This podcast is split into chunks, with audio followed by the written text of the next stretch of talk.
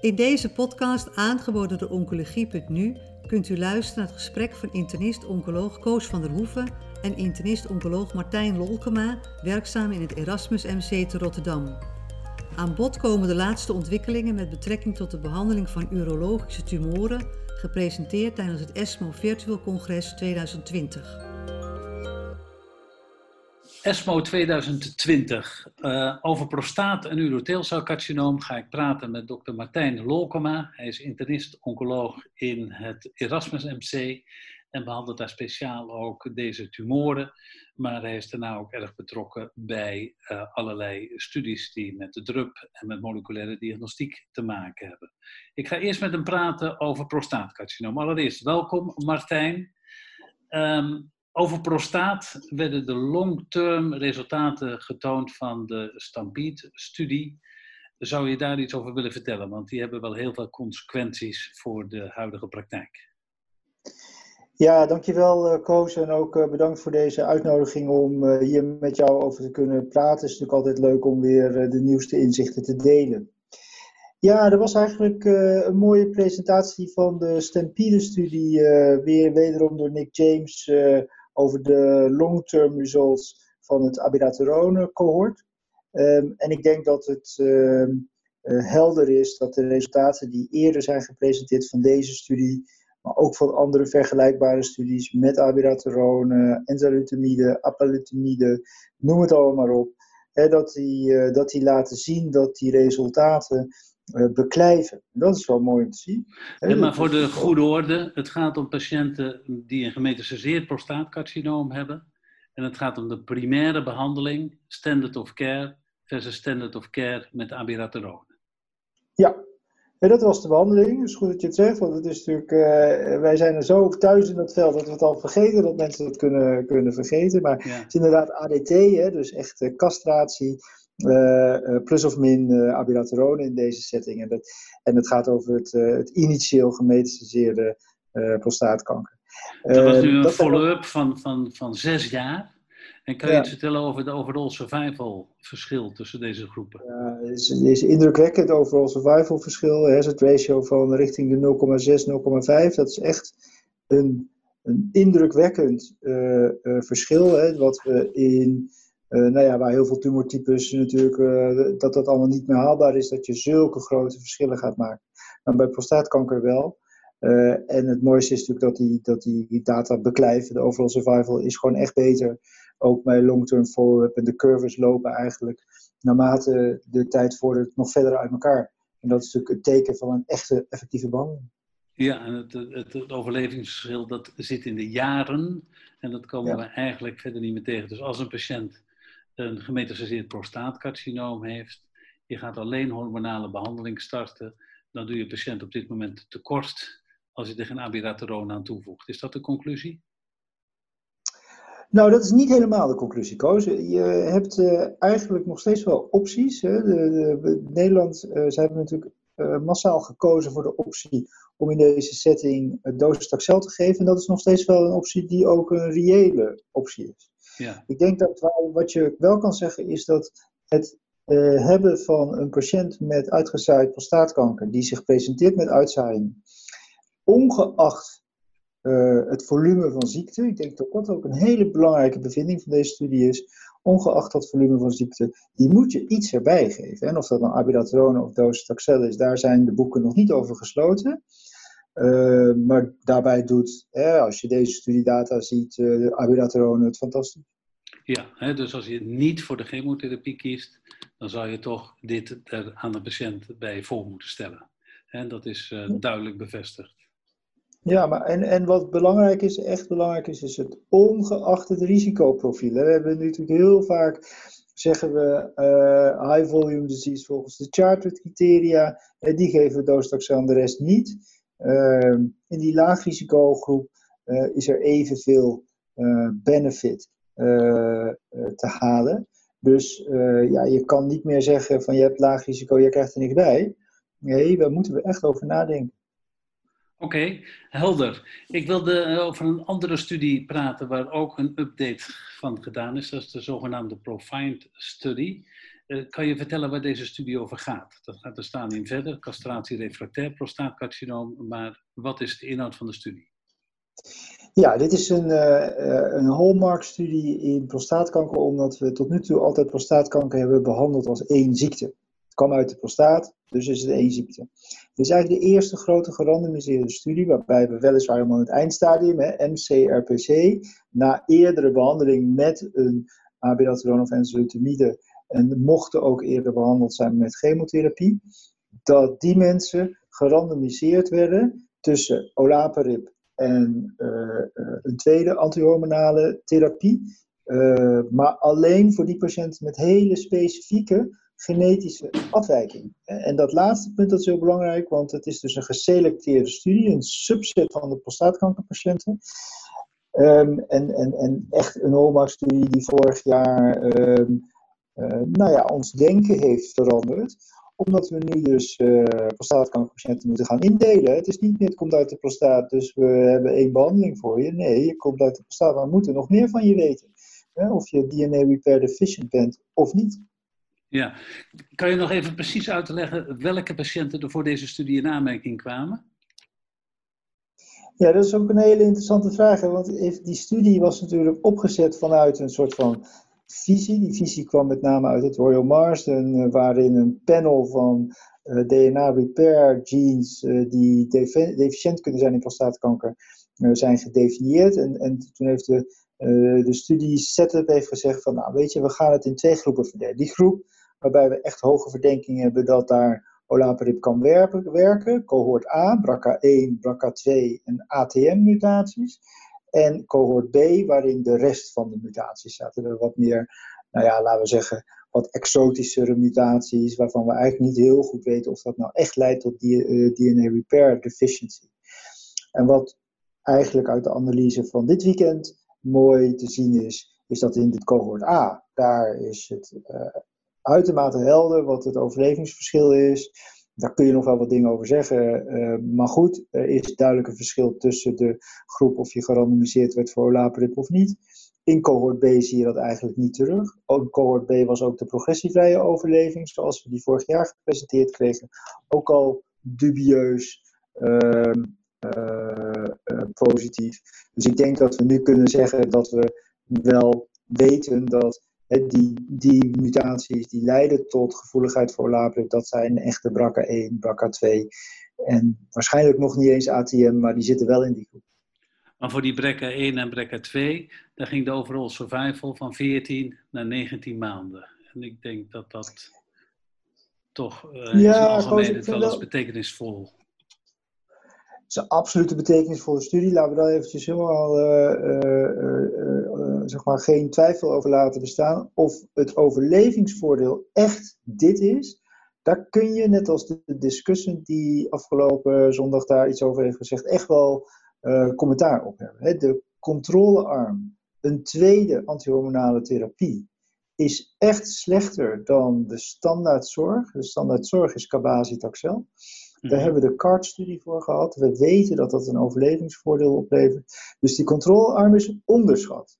Ja. Daarnaast is er een mogelijkheid geweest voor uh, crossover. Waardoor die controlearm weer misschien iets beter is dan dat we misschien zouden mogen uh, inschatten. Dus het, is, het absolute verschil is denk ik niet iets waar we heel erg uh, veel waarde aan kunnen hechten. En als ik, als ik jouw persoonlijke opvatting hier nu over moet vragen, hoe moeten we het dan wegen? Moeten we die patiënten die een BRCA1 of een BRCA2 mutatie in de tumor hebben, moeten we die met een parpremmer behandelen of niet? Absoluut wel, ja. ja. ja, ja, De RPFS-data zijn heel duidelijk. Dat was het goede primaire eindpunt. Uh, dan nog is de ondergroep minder, uh, is echt onderbedaan.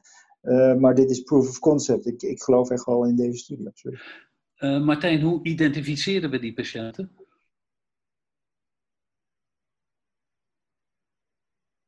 Uh, uh, het probleem van dit soort medicamenten die getarget is, is dat er bij hoort dat we gaan, gaan testen. die testen kosten geld. die worden niet vergoed. Straks wordt de medicatie waarschijnlijk wel vergoed. Um, dus de kosten van die testen komen bij de ziekenhuizen te liggen. Ehm, daar moeten we echt mee aan de slag, want dat, dat is iets wat we moeten gaan oplossen in de zorg in Nederland. Als we naar het moleculaire profiel kijken, dan wilde ik eigenlijk verder gaan met de volgende studie die door de Bono gepresenteerd werd. En dat ging over het middel IPA-lacerib. Kan je daar iets over vertellen?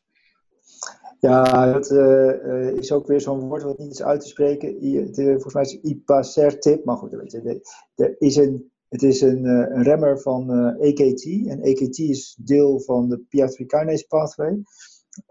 is een centrale speler daarin en is eigenlijk ehm, afwijkend ge, geactiveerd in patiënten die zogenaamde P10 los hebben. P10 is een, zeg maar de rem van het PI3 kinase pathway. En als die onklaargemaakt is, zoals in heel veel prostaatkankerpatiënten, ja, dan heb je dat dus aanstaan. Um, en dat is een hele interessante remmer, want die, uh, dat is ook weer een echte targeted therapy. Ja, en die, die resultaten, wat, hoe, hoe weeg je die? Wat waren de, de resultaten? Wat was de effectiviteit van die behandeling? Nou, dit is uh, patiënt uh, gered, of tumor verdreven, patiënt overleden. Ehm, statistisch significant RPFS-winst, maar iedereen die de curves gezien heeft, die kan bedenken dat dit geen klinisch relevante winst oplevert. Nee, En dat was in de populatie die PITEN IAC negatief was. Hè? Dus waarbij op basis van immuunhistochemie is bepaald dat de pitentstatus negatief was. En die, ja, die, die, dat is gewoon geen goede test. Er werd daarna ook nog heel eventjes getoond dat de, dat de mensen waarbij op basis van sequencing, NGS, uh, PTEN negatief was. Ja, daar zie je wel echt een verschil ontstaan, maar dat is natuurlijk een exploratory analysis. Um, ja, het is, het, is, het, is, het is net niet. Het is net niet. Dus het is eigenlijk een voorbeeld van iets wat, wat, wat misschien iets zou kunnen zijn, wat nog verder onderzocht moet worden, maar waarbij wel duidelijk is dat je ook die patiënten moet identificeren voordat je een dergelijke behandeling kan gaan geven. Ja, en dat is denk ik helemaal waar. En je moet ze goed identificeren. Kijk, wat dit laat zien is dat uh, eh, eh, eigenlijk gewoon over het algemeen een slechte biomarker is. We hebben dat met nummer PDL1 natuurlijk uh, we hebben dat eh, vroeger met HER2 gehad. We hebben uh, twee decennia, misschien wel drie decennia, misschien zelfs wel vier decennia gediscussieerd over de oestrogeenreceptorkleuring. Uh, zo zijn eigenlijk, uh, is gewoon een slechte biomarker en, en moeten we gewoon echt naar, naar, naar verbeterde technieken toe. Ik wilde overstappen van prostaatcarcinoom naar het urotheelcelcarcinoom. En daar was een, drietal studies die ik wilde bespreken die met immuuntherapie te maken hadden.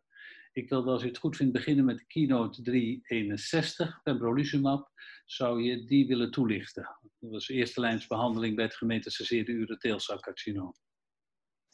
Ja, is een hele klassieke studie. En het is, echt wel bijzonder dat we deze ESMO een aantal van dat soort studies voorbij zien komen. Recent natuurlijk ook de, de Roche-studie, de de atezolizumab-studie gepubliceerd. En eigenlijk eh, volgens het uh, aloude oncologie-paradigma, ik heb A, ik heb B, nou dan gaat de volgende studie gaat A plus B versus A.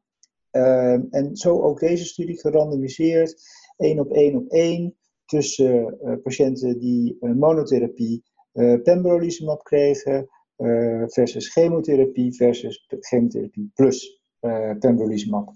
Um, en die studie die laat uh, eigenlijk uh, uh, ja, heel teleurstellend zien dat dat niet werkt.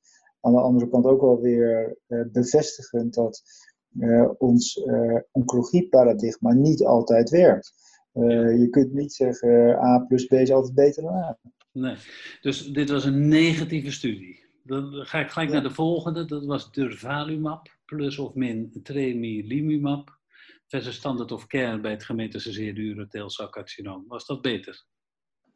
Nee, dat is eigenlijk precies hetzelfde. Maar daar zie je eigenlijk het, het, ook weer een negatieve studie. Wat in deze studie en overigens ook al een beetje in die keynote-studie uh, naar voren kwam, is dat uh, we eigenlijk dit soort studies allemaal ontworpen hebben met een gebrek aan a priori kennis om hypotheses te genereren. Dus het is een hypothese testende, toetsende studie, een gerandomiseerde studie. Alleen worden er heel veel hypotheses getoetst.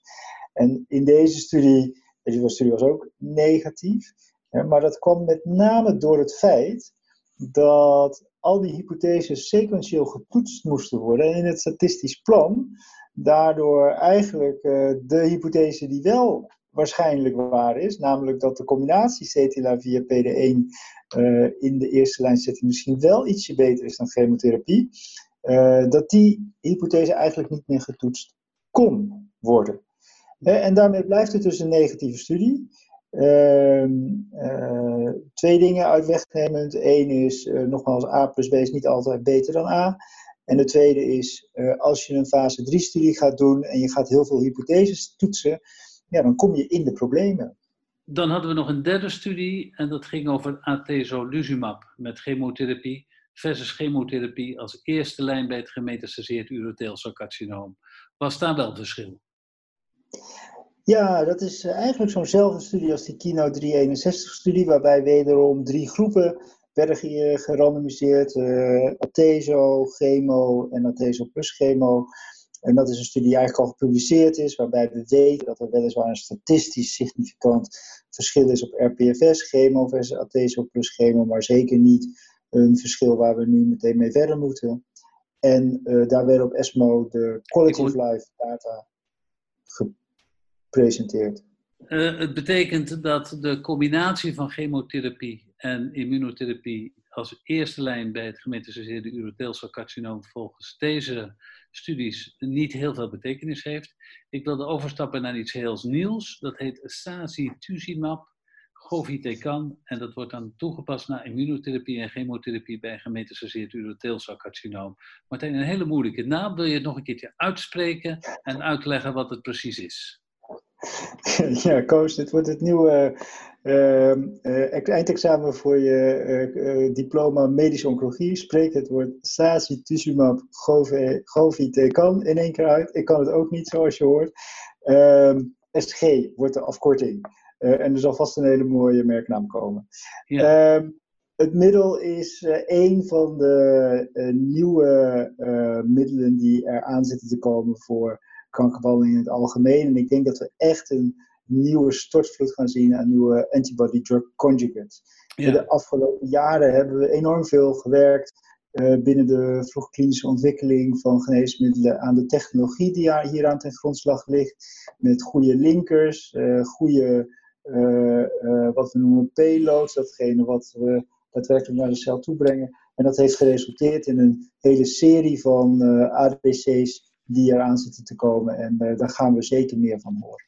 Is dit een middel dat specifiek op urotheelcelcarcinoom bindt? Zeker niet, zeker niet. Ook ESMO 2020 liet een, uh, een studie zien bij triple negative breast cancer die positief was. Dat was al een gerandomiseerde studie, uh, wat natuurlijk ook echt, echt heel mooi is. Maar dit is een ontwikkeling. Het is nog een klein beetje te vroeg om te zeggen dat we dat kunnen toepassen. We gaan het zeker nog niet toepassen. Maar het gaat er echt wel aankomen. Het liet eigenlijk hele mooie responsen zien na chemo en na immunotherapie. Uh, en dat is toch een populatie waar we op dit moment natuurlijk wel weinig voor hebben. Uh, en ook echt een relevante populatie om nog een soort van rescuebehandeling te geven. Ik denk dat wat we ons wel moeten beseffen is dat het, het, het linker- en payload gedeelte, dat is nu echt wel op, optimaal. Wat in de kliniek uitgezocht moet worden is de targeting part van de ADC. En deze targeting part wordt uh, gevormd door troponine 1, TROP1. En TROP1 is uh, best wel pleiotroop. En wat je ziet is dat 60% van de mensen toch vervelende vormen van diarree kregen van deze ja. medicaat. Uh, en dat betekent dus dat de SN38, de, de irinotecan actieve metaboliet, ook gewoon in de darmen terechtkomt. En ik denk dat dat door die, door die targeting komt. Eh, en, en, en, het is effectief, maar het is, het is zeker ook toxisch. Oké, nog een klein beetje te vroeg om, uh, om dat precies te plaatsen, maar wel veelbelovend mm dat er iets nieuws aankomt. Er is nog iets nieuws wat heel erg getarget is eh, op uh, prostaatcarcinoom. Daar mag jij het laatste woord over hebben, Martijn. Ja, nou we zien natuurlijk dat ook in prostaatkanker hebben we echt een hele vloed, stormvloed aan nieuwe geneesmiddelen gaan ontwikkelen. En uh, de PSMA-targeting agents zijn daar natuurlijk uh, op dit moment de frontrunners in. Mutation PSMA, daar verwachten we eind van het jaar, begin volgend jaar de eerste resultaten van. En op ESMO dit jaar werd een studie gepresenteerd van de AMG 160 compound en dat is een BITE, een bispecific T-cell engager. Eh, die eigenlijk eh, aan de ene kant PSMA bindt en aan de andere kant CD3. Eh, en daarmee directe T-cell kill van PSMA-positieve cellen veroorzaakt. Nou, zonder nou heel veel daarover uit te wijden, is het heel mooi om te zien dat dit soort nieuwe compounds echt in die allereerste fase van hun ontwikkeling al gewoon effectiviteit laten zien. we zien gewoon mensen die een jaar tot een jaar op behandeling kunnen blijven hiermee.